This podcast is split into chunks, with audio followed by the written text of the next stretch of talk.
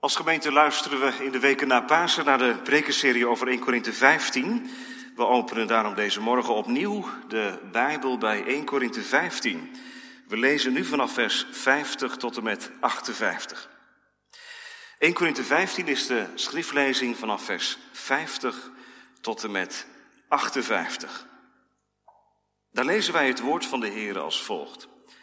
Maar dit zeg ik, broeders, dat vlees en bloed het koninkrijk van God niet kunnen beërven. En de vergankelijkheid beërft de onvergankelijkheid niet. Zie, ik vertel u een geheimenis. Wij zullen wel niet allen ontslapen, maar wij zullen alle veranderd worden in een ondeelbaar ogenblik, in een oogwenk, bij de laatste bazuin. Immers, de bazuin zal klinken en de doden zullen als onvergankelijke mensen opgewekt worden en ook wij zullen veranderd worden. Want dit vergankelijke moet zich met onvergankelijkheid bekleden en dit sterfelijke moet zich met onsterfelijkheid bekleden. En wanneer dit vergankelijke zich met onvergankelijkheid bekleed zal hebben en dit sterfelijke zich met onsterfelijkheid bekleed zal hebben, dan zal het woord geschieden dat geschreven staat. De dood is verslonden tot overwinning. Dood, waar is uw prikkel? Graf, waar is uw overwinning? De prikkel nu van de dood is de zonde. En de kracht van de zonde is de wet. Maar God zij dank die ons de overwinning geeft door onze Heer Jezus Christus. Daarom, mijn geliefde broeders, wees standvastig, onwankelbaar, altijd overvloedig in het werk van de Heere in de wetenschap dat uw inspanning niet te vergeefs is in de Heere. Tot zover de schriftlezing. We zingen straks naar de preek uit Psalm 89, vers 7. En het zou goed kunnen dat u die psalm na deze preek anders zingt dan tevoren. Want waar gaat het over als we zingen over de klanken? Dan gaat het over de klanken van de bazuin. Hoe zalig is het volk dat naar die klank van de bazuin hoort. Zij wandelen, Heer, in het licht van het goddelijke aanschijn voort. 89, vers 7, straks na de preek. Een hoopvolle toekomst. Drie vragen dus. Allereerst, wat vindt er plaats? Ten tweede, hoe vindt het plaats? En ten derde, wanneer vindt het plaats? En kinderen, pak de vragen er maar bij, de opdrachten, om die tijdens de preek te doen. Eerste vraag, wat vindt er plaats? Afgelopen woensdag, gemeente, met gespannen aandacht hebben we gekeken, geluisterd naar de persconferentie. Het verslag wat minister Rutte ons ging geven. Waarom gespannen aandacht? Nou, omdat ik net als u benieuwd was naar hoe het nou verder ging.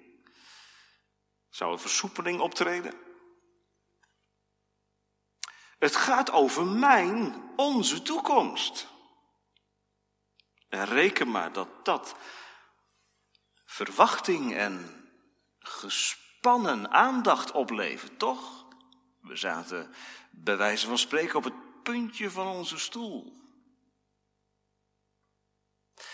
Als Paulus in 1 Korinthe 15 schrijft, zie, ik vertel u een geheimenis, dan zouden wij ook op het puntje van onze stoel moeten gaan zitten. Het is de eerste keer in dit lange hoofdstuk dat Paulus het woordje zie gebruikt.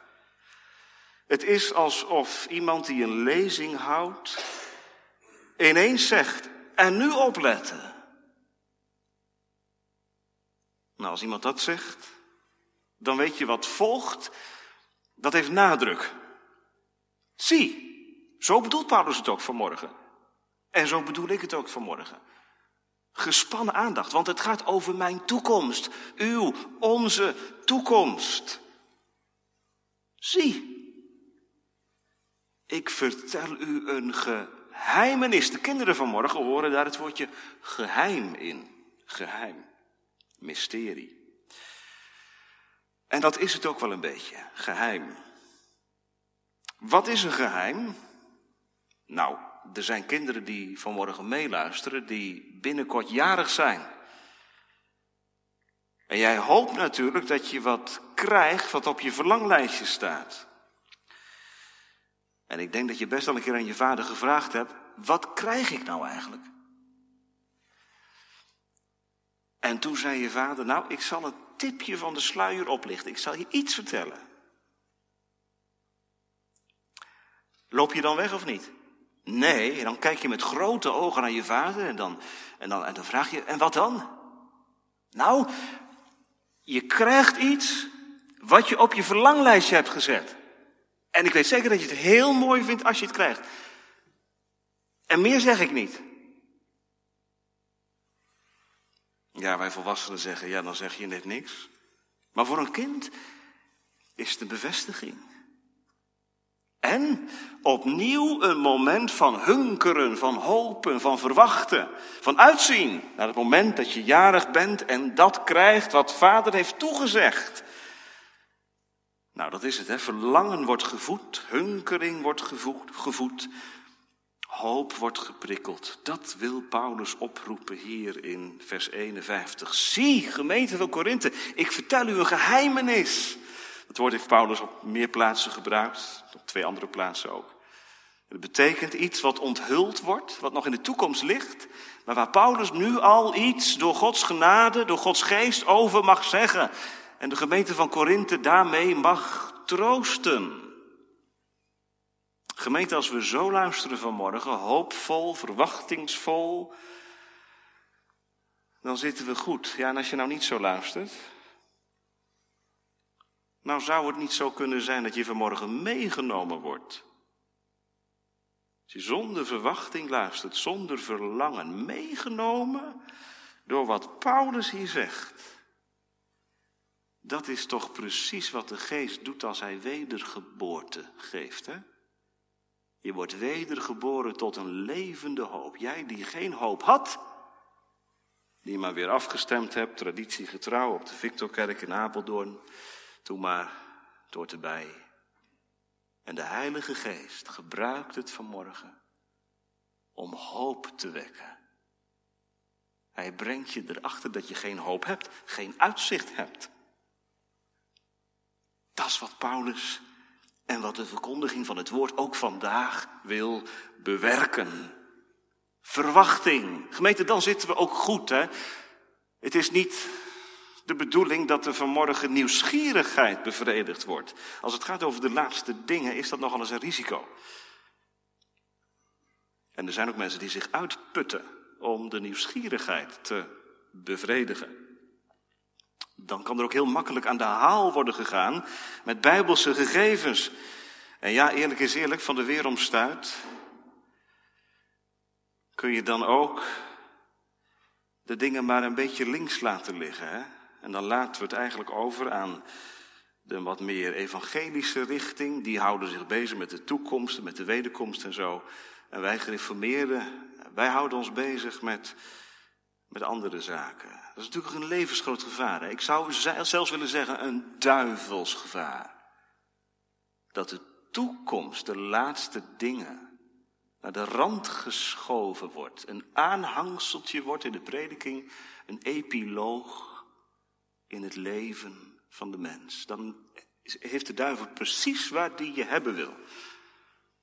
Je blind laten staren op het leven van alle dag, terwijl de schrift en de geest van Christus opening wil geven naar de nieuwe toekomst toe. En dan mag je om bidden, gemeente, vanmorgen, iedere dag. Dat de Heilige Geest je verlichte ogen van het verstand geeft om niet te veel gericht te raken op dat wat de aarde geeft, wat zichtbaar is. Maar om dat geheimenis waar Paulus het over heeft, om dat door het geloof te omhelzen en straks mee te maken. Gemeente, we zijn het echt wat kwijtgeraakt. Wat Calvijn als een van de essentiële onderdelen van het christelijke leven in zijn institutie benadrukte. De overdenking van het toekomende leven. En dan zit deze dominee naast u. Overdenking van het toekomende leven. Komen we er nog aan toe?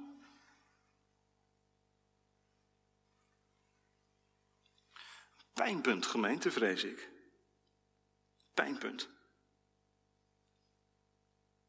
Dominee, het gaat in de prediking altijd weer over Christus en dien gekruisig. Houdt u zich daar maar aan. Amen, broeder. Maar vanuit de prediking van Christus en dien gekruisigd valt het licht over de hele werkelijkheid. Tot over dood en graf heen. En dat is de reden waarom Paulus niet zegt, nou ja, die toekomst, dat is allemaal iets voor, voor de Heer, daar, daar waag ik me maar niet aan. Ik heb het over het kruis, ja, dat is het centrum, dat is de kern. Maar van daaruit, van daaruit komt Paulus ook op dit geheimenis. Gaat dus over de toekomst, over uw toekomst, jouw toekomst, mijn toekomst. Wat gebeurt er dan? Nou, laten we lezen.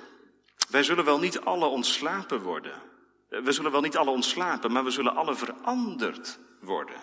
Wij, allen. Allen. Of je nou voor het eerst meeluistert met een kerkdienst, of voor de zoveelste keer, wij zullen allen, niet allen ontslapen, wel allen veranderd worden. We hebben in de preek van twee weken geleden stilgestaan bij de vraag: wat gebeurt er nou als mensen die ontslapen zijn opstaan? Maar het gaat vanmorgen over de vraag: wat gebeurt er nou met u die in de auto rijdt, op weg naar uw werk? Wat gebeurt er nou met jou als je in de zandbak speelt? Wat gebeurt er met jou als je op de universiteit college volgt? Wat gebeurt er met u als u uw dagelijkse boodschap bij de Albert Heijn doet en Jezus komt terug? Wat gebeurt er dan? Nou, zegt Paulus, dan zul je veranderd worden. Veranderd worden. Paulus denkt vanuit de opstanding van Christus door en laat het licht vallen over wat er gebeurt als Christus terugkomt. En gemeente, dan moet er een verandering optreden. Kijk maar in vers 53, daar wordt het veel stelliger gezegd door Paulus. Dit vergankelijke moet zich met onvergankelijkheid bekleden en dit sterfelijke moet zich met onsterfelijkheid bekleden. Het moet. Het kan niet anders, gemeente, want vers 50 zegt, lees maar mee, vlees en bloed zullen het koninkrijk van God niet beërven. Dat betekent, zoals ik geboren met dit aardse, kwetsbare bestaan, bovendien door de zonde geïnfecteerde bestaan. Dit kan het koninkrijk van God niet beërven. We horen dat ook in doopdiensten. We kunnen het rijk van God niet komen tenzij wij opnieuw geboren worden. Ja, dat gaat dan over de verandering in het leven. Paulus heeft het hier over de verandering bij de komst van Christus. Maar om die verandering goed door te maken, heb je die eerste verandering nodig. Wedergeboren tot een levende hoop. Opnieuw geboren. Om zo die verandering van vers 51 te kunnen meemaken. Hoe komt u daarop? Nou, omdat in vers 50 staat dat wij het koninkrijk van God niet kunnen beërven. We kunnen het niet beërven. We kunnen het niet pakken, we kunnen het niet, niet naar ons toe halen, we kunnen het niet beërven. Het kan alleen maar als God tegen zijn kinderen zal zeggen: Kom binnen, beërf het koninkrijk, wat u weggelegd is van voor de grondlegging van de wereld. Je kunt het alleen maar beërven als genadegift. En gemeente, dat is, dat is dan tegelijk ook weer de enorme rijkwijde die ik u vanmorgen mag verkondigen. Want als het nou een genadegift van boven is, gemeente, dan hoef ik het ook niet te organiseren. Dan kan ik het niet organiseren. Ik kan mezelf niet redden. Ik kan mezelf er niet doorheen helpen als, als Christus terugkomt. Ik moet het helemaal hebben van genade. U ook? Heb je dat geleerd? Ja, niet, ik bedoel natuurlijk niet dat je het onder de knie hebt, maar dat je het, de essentie ervan geleerd. Het is genade alleen. Waardoor ik gered ben. Als je nou gered bent, hè. Weet je wat daarbij hoort? Vergeving van zonde. Rechtvaardig voor God gerekend. Heilig in Hem. En straks heerlijk. Door Hem. Verandering zul je doormaken op grond van hetzelfde heilswerk van Christus als waardoor je vergeving van zonde ontving. Weet je, dat hoort er helemaal bij. Het is één groot pakket, één groot geschenk. Wat God zijn kinderen geeft en wat, wat de Heilige Geest wil openleggen. Ja, dat is dan weer dat pijnpunt, hè? want de Heilige Geest wil het wel openleggen. Maar gemeente, lieve gemeente, komen we er nog aan toe? Komen we hier nog aan toe? Overdenking van een toekomende leven. Nogmaals, de duivel wil niets liever dan dat ook Gods kinderen zich in een kramp gaan verhouden en zich bezighouden met de dingen van alle dag en dat ook alleen maar. O, laat dit gedeelte ons niet alleen wijzen op wat wij missen, waar we gebrek aan hebben, maar ook de hunkering naar boven halen in deze coronatijd. Heren, daar gaat het naartoe. Goddank. Naar dat geheimenis. We zullen veranderd worden. Kinderen, iedereen die gestorven is, Misschien jouw opa, jouw oma. En die nu bij Christus is. Die ontslapen zijn. Die maken dit niet mee. Maar wij wel. Wij wel. Klopt dat wel, zegt de jongere? Paulus zegt dat daar wel. Hè? Wij zullen wel niet alle ontslapen, maar wij zullen alle veranderd worden. Maar Paulus is ook gewoon gestorven. Hij heeft het ook niet meegemaakt. Klopt het wel? Ja, het klopt wel. Want je kunt dat woordje wij ook lezen als zoals wij het gebruiken in wij Nederlanders. Wij als volk. Zo moet je het hier lezen. Wij, Paulus sluit zichzelf in. Wij die van Christus zijn, zullen wel niet alle ontslapen, maar we zullen alle veranderd worden. Een nieuw bestaan. Gemeente, daar staat God voor in klaargemaakt voor die heerlijke toekomst. Ben je ook zo gespannen hoe dat zal zijn? Een geheimenis, dat is toch iets om naar uit te zien. Niet iets om tegenop te zien. En dan helemaal niet om niet naar te verlangen. Een geheimenis. Er komt een verandering. Het gaat hier over Gods kinderen. Ja, het is waar. Er is ook heel aangrijpend, al spreekt de Bijbel daar minder over. Er is ook een verandering ten kwade. De opstanding van de ongelovigen. Op een paar plaatsen in de Bijbel vinden we daar woorden over. Dat de ongelovigen ook zullen opstaan en ook zullen veranderd worden. Maar niet om God groot te maken. Niet om werkelijk mens te worden zoals God het bedoeld heeft. Maar dan om in eeuwig afgrijzen. In eeuwige disharmonie met elkaar en met God te leven. Het bitterste moment dat jij in je leven meegemaakt hebt, valt in het niet. Bij wat je mee zult maken als je buiten Christus sterft. En dat tot in eeuwigheid bitterheid op bitterheid.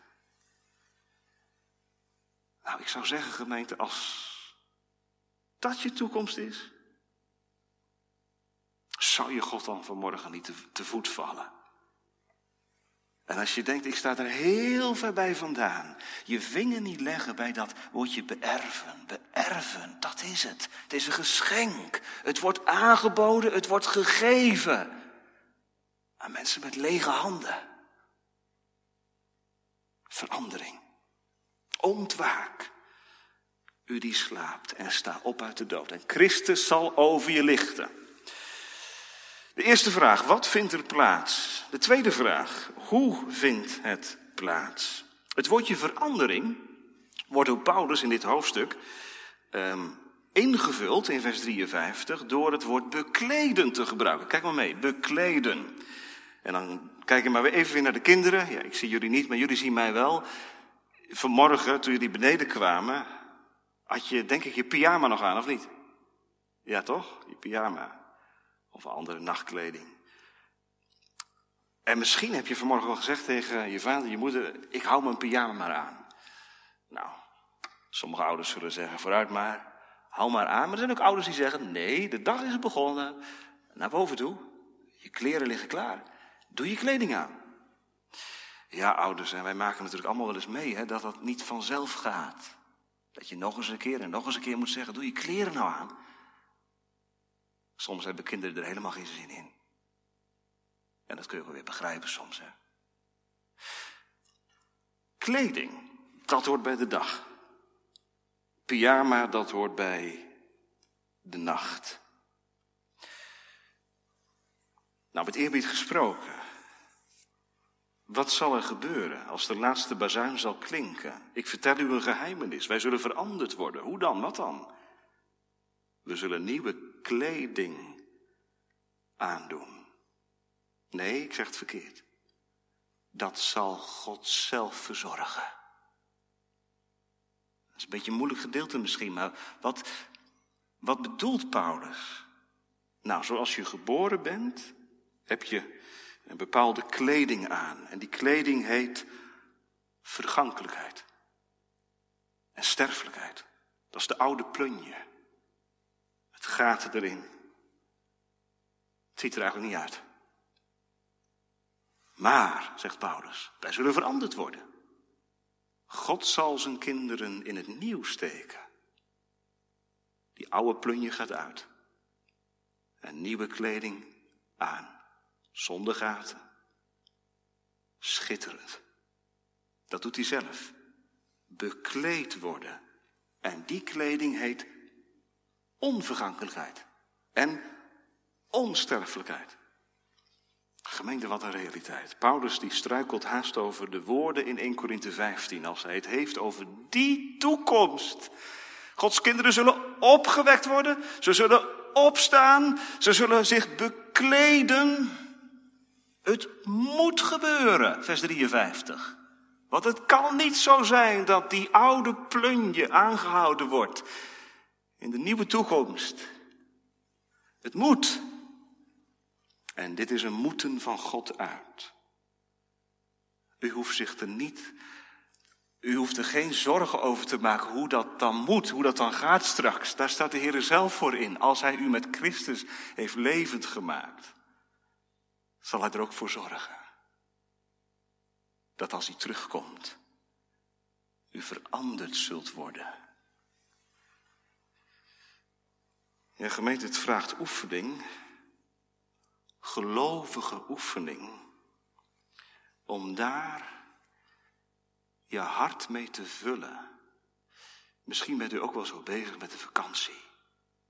Kunnen we of kunnen we niet? Nou, we hebben het er ook geregeld over gehad thuis. Kan het? Hopelijk. En we mijmeren.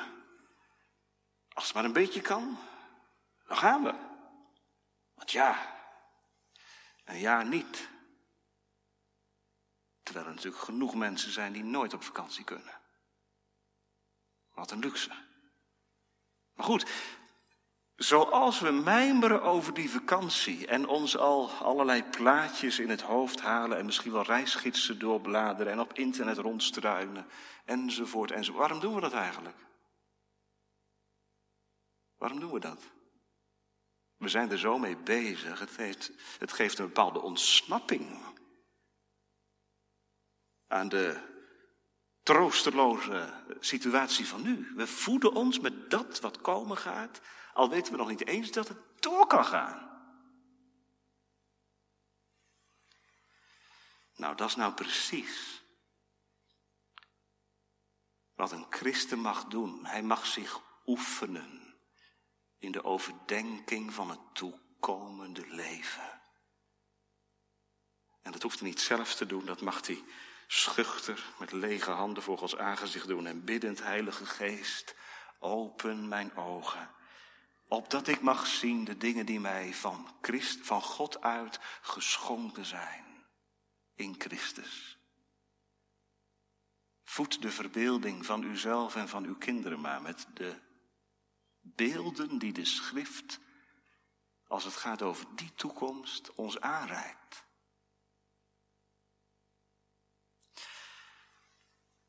Misschien dat er meeluisteren die zeggen, dominee, ik vind dat moeilijk om het mezelf waar te nemen, maar die toekomst, die levert niet alleen maar bij mij blijdschap op.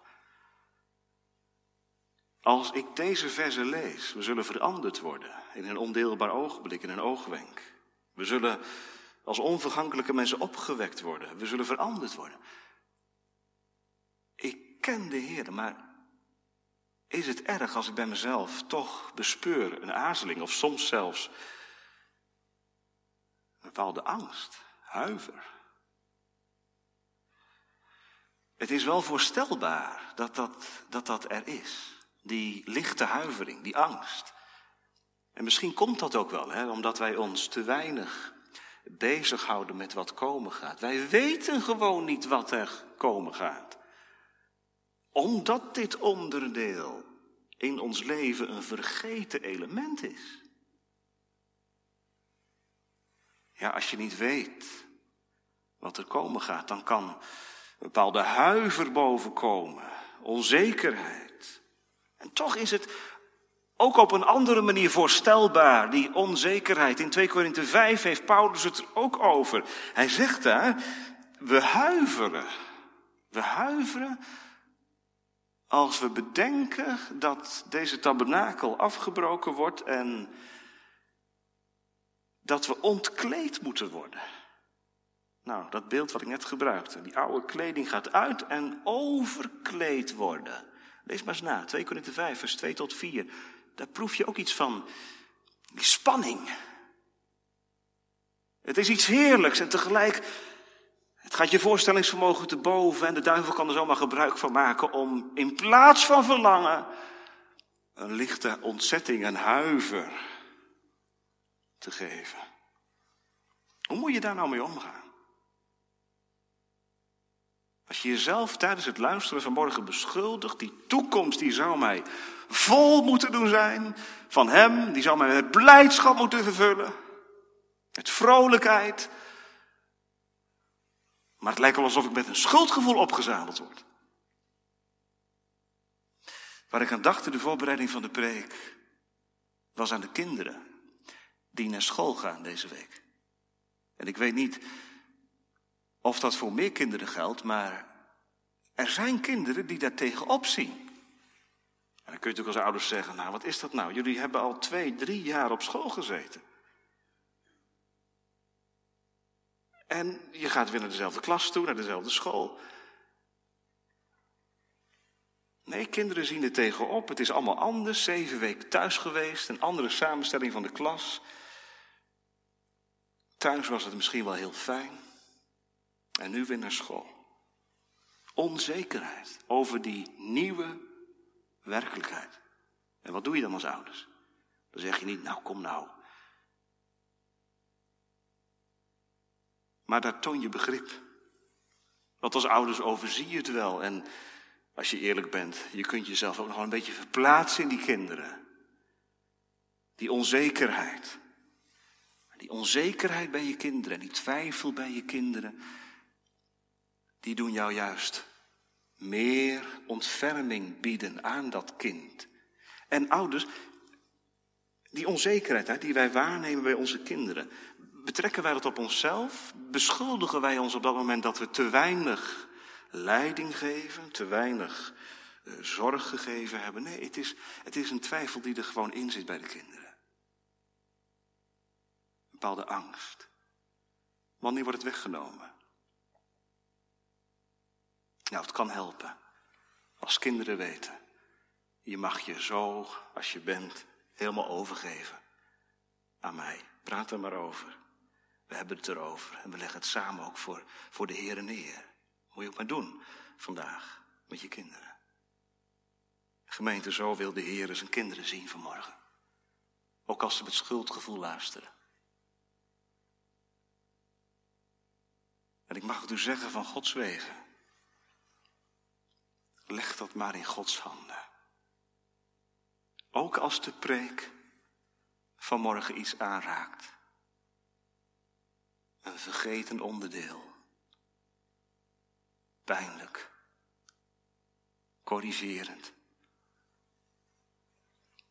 Schaam je naar Christus toe. Met de onzekerheid, met de twijfel over die toekomst. Opdat Hij u geven naar Zijn heerlijkheid. Vervuld te worden met blijdschap. Met uitzicht. Gemeente, dat is niet alleen iets voor het sterfbed. We hebben daar soms hele verhalen en hele gedachten bij ook. Hè? Als iemand bij het, aan het einde gekomen is, ja, dan mag het allemaal doorbreken. En dan, goddank, breekt het ook geregeld door. Maar het is iets voor het leven hier en nu. Om te leven bij die toekomst. Hoe zal het gaan? In een ondeelbaar ogenblik, in een oogwenk. In een punt des tijds, zegt de Statenvertaling. Er staat een Grieks woord, atomos, atoom. In een fractie van een seconde gebeurt het. Dan zal alles veranderen. Graven zullen geopend worden, doden zullen opstaan. En wij die leven, zullen in een fractie, in een split of the second, veranderd worden. Kinderen, knipper eens met je ogen. Hoe lang duurt dat? Dat zegt Paulus, hè? In een oogwenk. Het is zo voorbij. God hoeft alleen maar met zijn ogen te knipperen. Om deze daad van verlossing te volbrengen. Opgewekt en veranderd. Nieuw gewaad aangereikt en aangedaan. Opstanding ten leven, opstanding ten dode. Wanneer? Onze laatste vraag. Wanneer? Bij de laatste bazuin. Immers, de bazuin zal klinken. En de doden zullen als onvergankelijke mensen opgewekt worden. En ook wij zullen veranderd worden. De laatste bazuin. De shofar. Hashofar, hakadol in het Hebreeuws. Het Oude Testament wordt die bazuin geregeld gebruikt. En Paulus verwijst daar naar, naar de bazuin vanuit het Oude Testament. Lees Leviticus 23. Daar wordt de laatste of die, de bazuin, zo wordt hij daar genoemd, de bazuin Gods, de grote bazuin, de shofar, uitgelegd. Want gemeente, die bazuin werd in het Oude Testament gebruikt bij bepaalde gelegenheden. Hij werd gebruikt om feestdagen aan te kondigen. Hij werd gebruikt om tot de strijd op te roepen. Hij werd ook gebruikt om de gemeente, om, om het volk bij elkaar te roepen. Om samen te laten komen. Die drie dingen, dat waren eigenlijk de belangrijkste elementen van de bezuin. Oproepen, een sein geven, een vreugdesignaal oproepen. Eén keer per maand gemeente, de eerste maandag van de maand, om twaalf uur, dan horen we het weer. Dat uh, signaal, weet u wel? We staan er al nauwelijks meer bij stil. Maar ik weet nog wel de eerste keer dat het gebeurde in Nederland. Het was een, een door en been gaand signaal. Vond u ook niet? Dat is het nog steeds wel als je erbij stilstaat. Luchtalarm, daar denk je aan. Een doordringend geluid. Iedereen hoort het. Niemand kan zich verontschuldigen. Al ben je binnen. Gemeente, zo zal het zijn. Als Christus terugkomt en zijn engelen uitgezonden worden tot de vier hoeken van de aarde. De bazuin zal klinken en niemand zal kunnen zeggen, ik heb het niet gehoord. Dat zal een signaal zijn wat door merg en been heen gaat als het gaat om degenen die niet van Christus zijn. Tegelijk zal het een vreugdesignaal zijn voor degenen die van Christus zijn. Eens als de bazuinen klinken, uit de hoogte links en rechts, duizend stemmen ons omringen, ja en amen wordt gezegd, rest er niets meer dan te zingen. Heer, dan is uw pleit beslecht. Dan is het doek gevallen. Dan is de genadetijd voorbij. Dan is het leven van deze tegenwoordige tijd voor goed verleden tijd. En is die nieuwe toekomst eeuwigdurende realiteit. Paulus gebruikte de bazuin hier vooral als vreugdesignaal. Straks, als die zal klinken, zal het een vreugdesignaal zijn. Want, zegt Paulus, we zullen veranderd worden. Maar nu is de bazuin ook nog een waarschuwingssignaal. De bazuin, zoals Paulus die gebruikt. Het is de vervulling van het bazuinfeest. Van het Oude Testament, wat nog uitstaat. De laatste bazuin, zo heet het daarom ook. Hè? De laatste, de vervulling van de bazuin. Zie je er naar uit? Ik weet nog wel op de middelbare school, op de Pieterzand, dat je het zo zat kon zijn een dag van studie. En je hunkerde naar het moment dat die bel ging. Kan die bel nog oproepen, het geluid ervan. Het was een verademing. Nou, de laatste bazuin, als die klinkt, het zal een verademing zijn voor hen die van Christus zijn. Gemeente, straks gaan we zingen, hoe zalig is het volk dat naar uw klanken hoort. Als je hier hebt leren luisteren naar de bazuin van het evangelie en je hart verloren hebt aan Christus, ingewonnen bent door het woord van Gods genade, mag je straks meezingen, Psalm 89, vers 7, en dan, dan al denken aan die laatste bazuin. Hoe zalig is het volk dat straks naar de klank van de bazuin hoort. Hier wandelen ze. En straks in het licht van Gods aangezicht. Voort. Wat een vreugde zal het wezen. Straks vereend te zijn met Hem. De Nederlandse geloofsbeleid artikel 37 Zeg daarom ook, daarom verwachten wij die dag. Die dag. Van de laatste bazuin met een groot verlangen. Jonge mensen, weet je wie de auteur was van de Nederlandse geloofsbeleid? is misschien wel eens gehoord van Guido de Bret. Guido de Bret. Die heeft niet een of ander stoffig document op zijn studeerkamer in elkaar geknutseld. Maar deze man heeft zijn leven gegeven samen met zijn vriend. En de Nederlandse geloofsbeleidenis is eigenlijk een geloofsgetuigenis van hem. En weet je, toen Guido de Bray en zijn vriend de Lagrange gevangen waren en veroordeeld waren tot de galg. En op 31 mei 1567 opgeroepen werden om te verschijnen voor de beul. Weet je wat de vriend van Guido de Bret toen deed? Toen ging hij zijn schoenen poetsen. Hij poetste zijn schoenen. En toen men hem vroeg, waarom doe je dat? Zei hij, ik ga naar de bruiloft van mijn koning. Ik ga naar huis. Ik bereid me voor. Daarom verwachten wij die dag met een groot verlangen.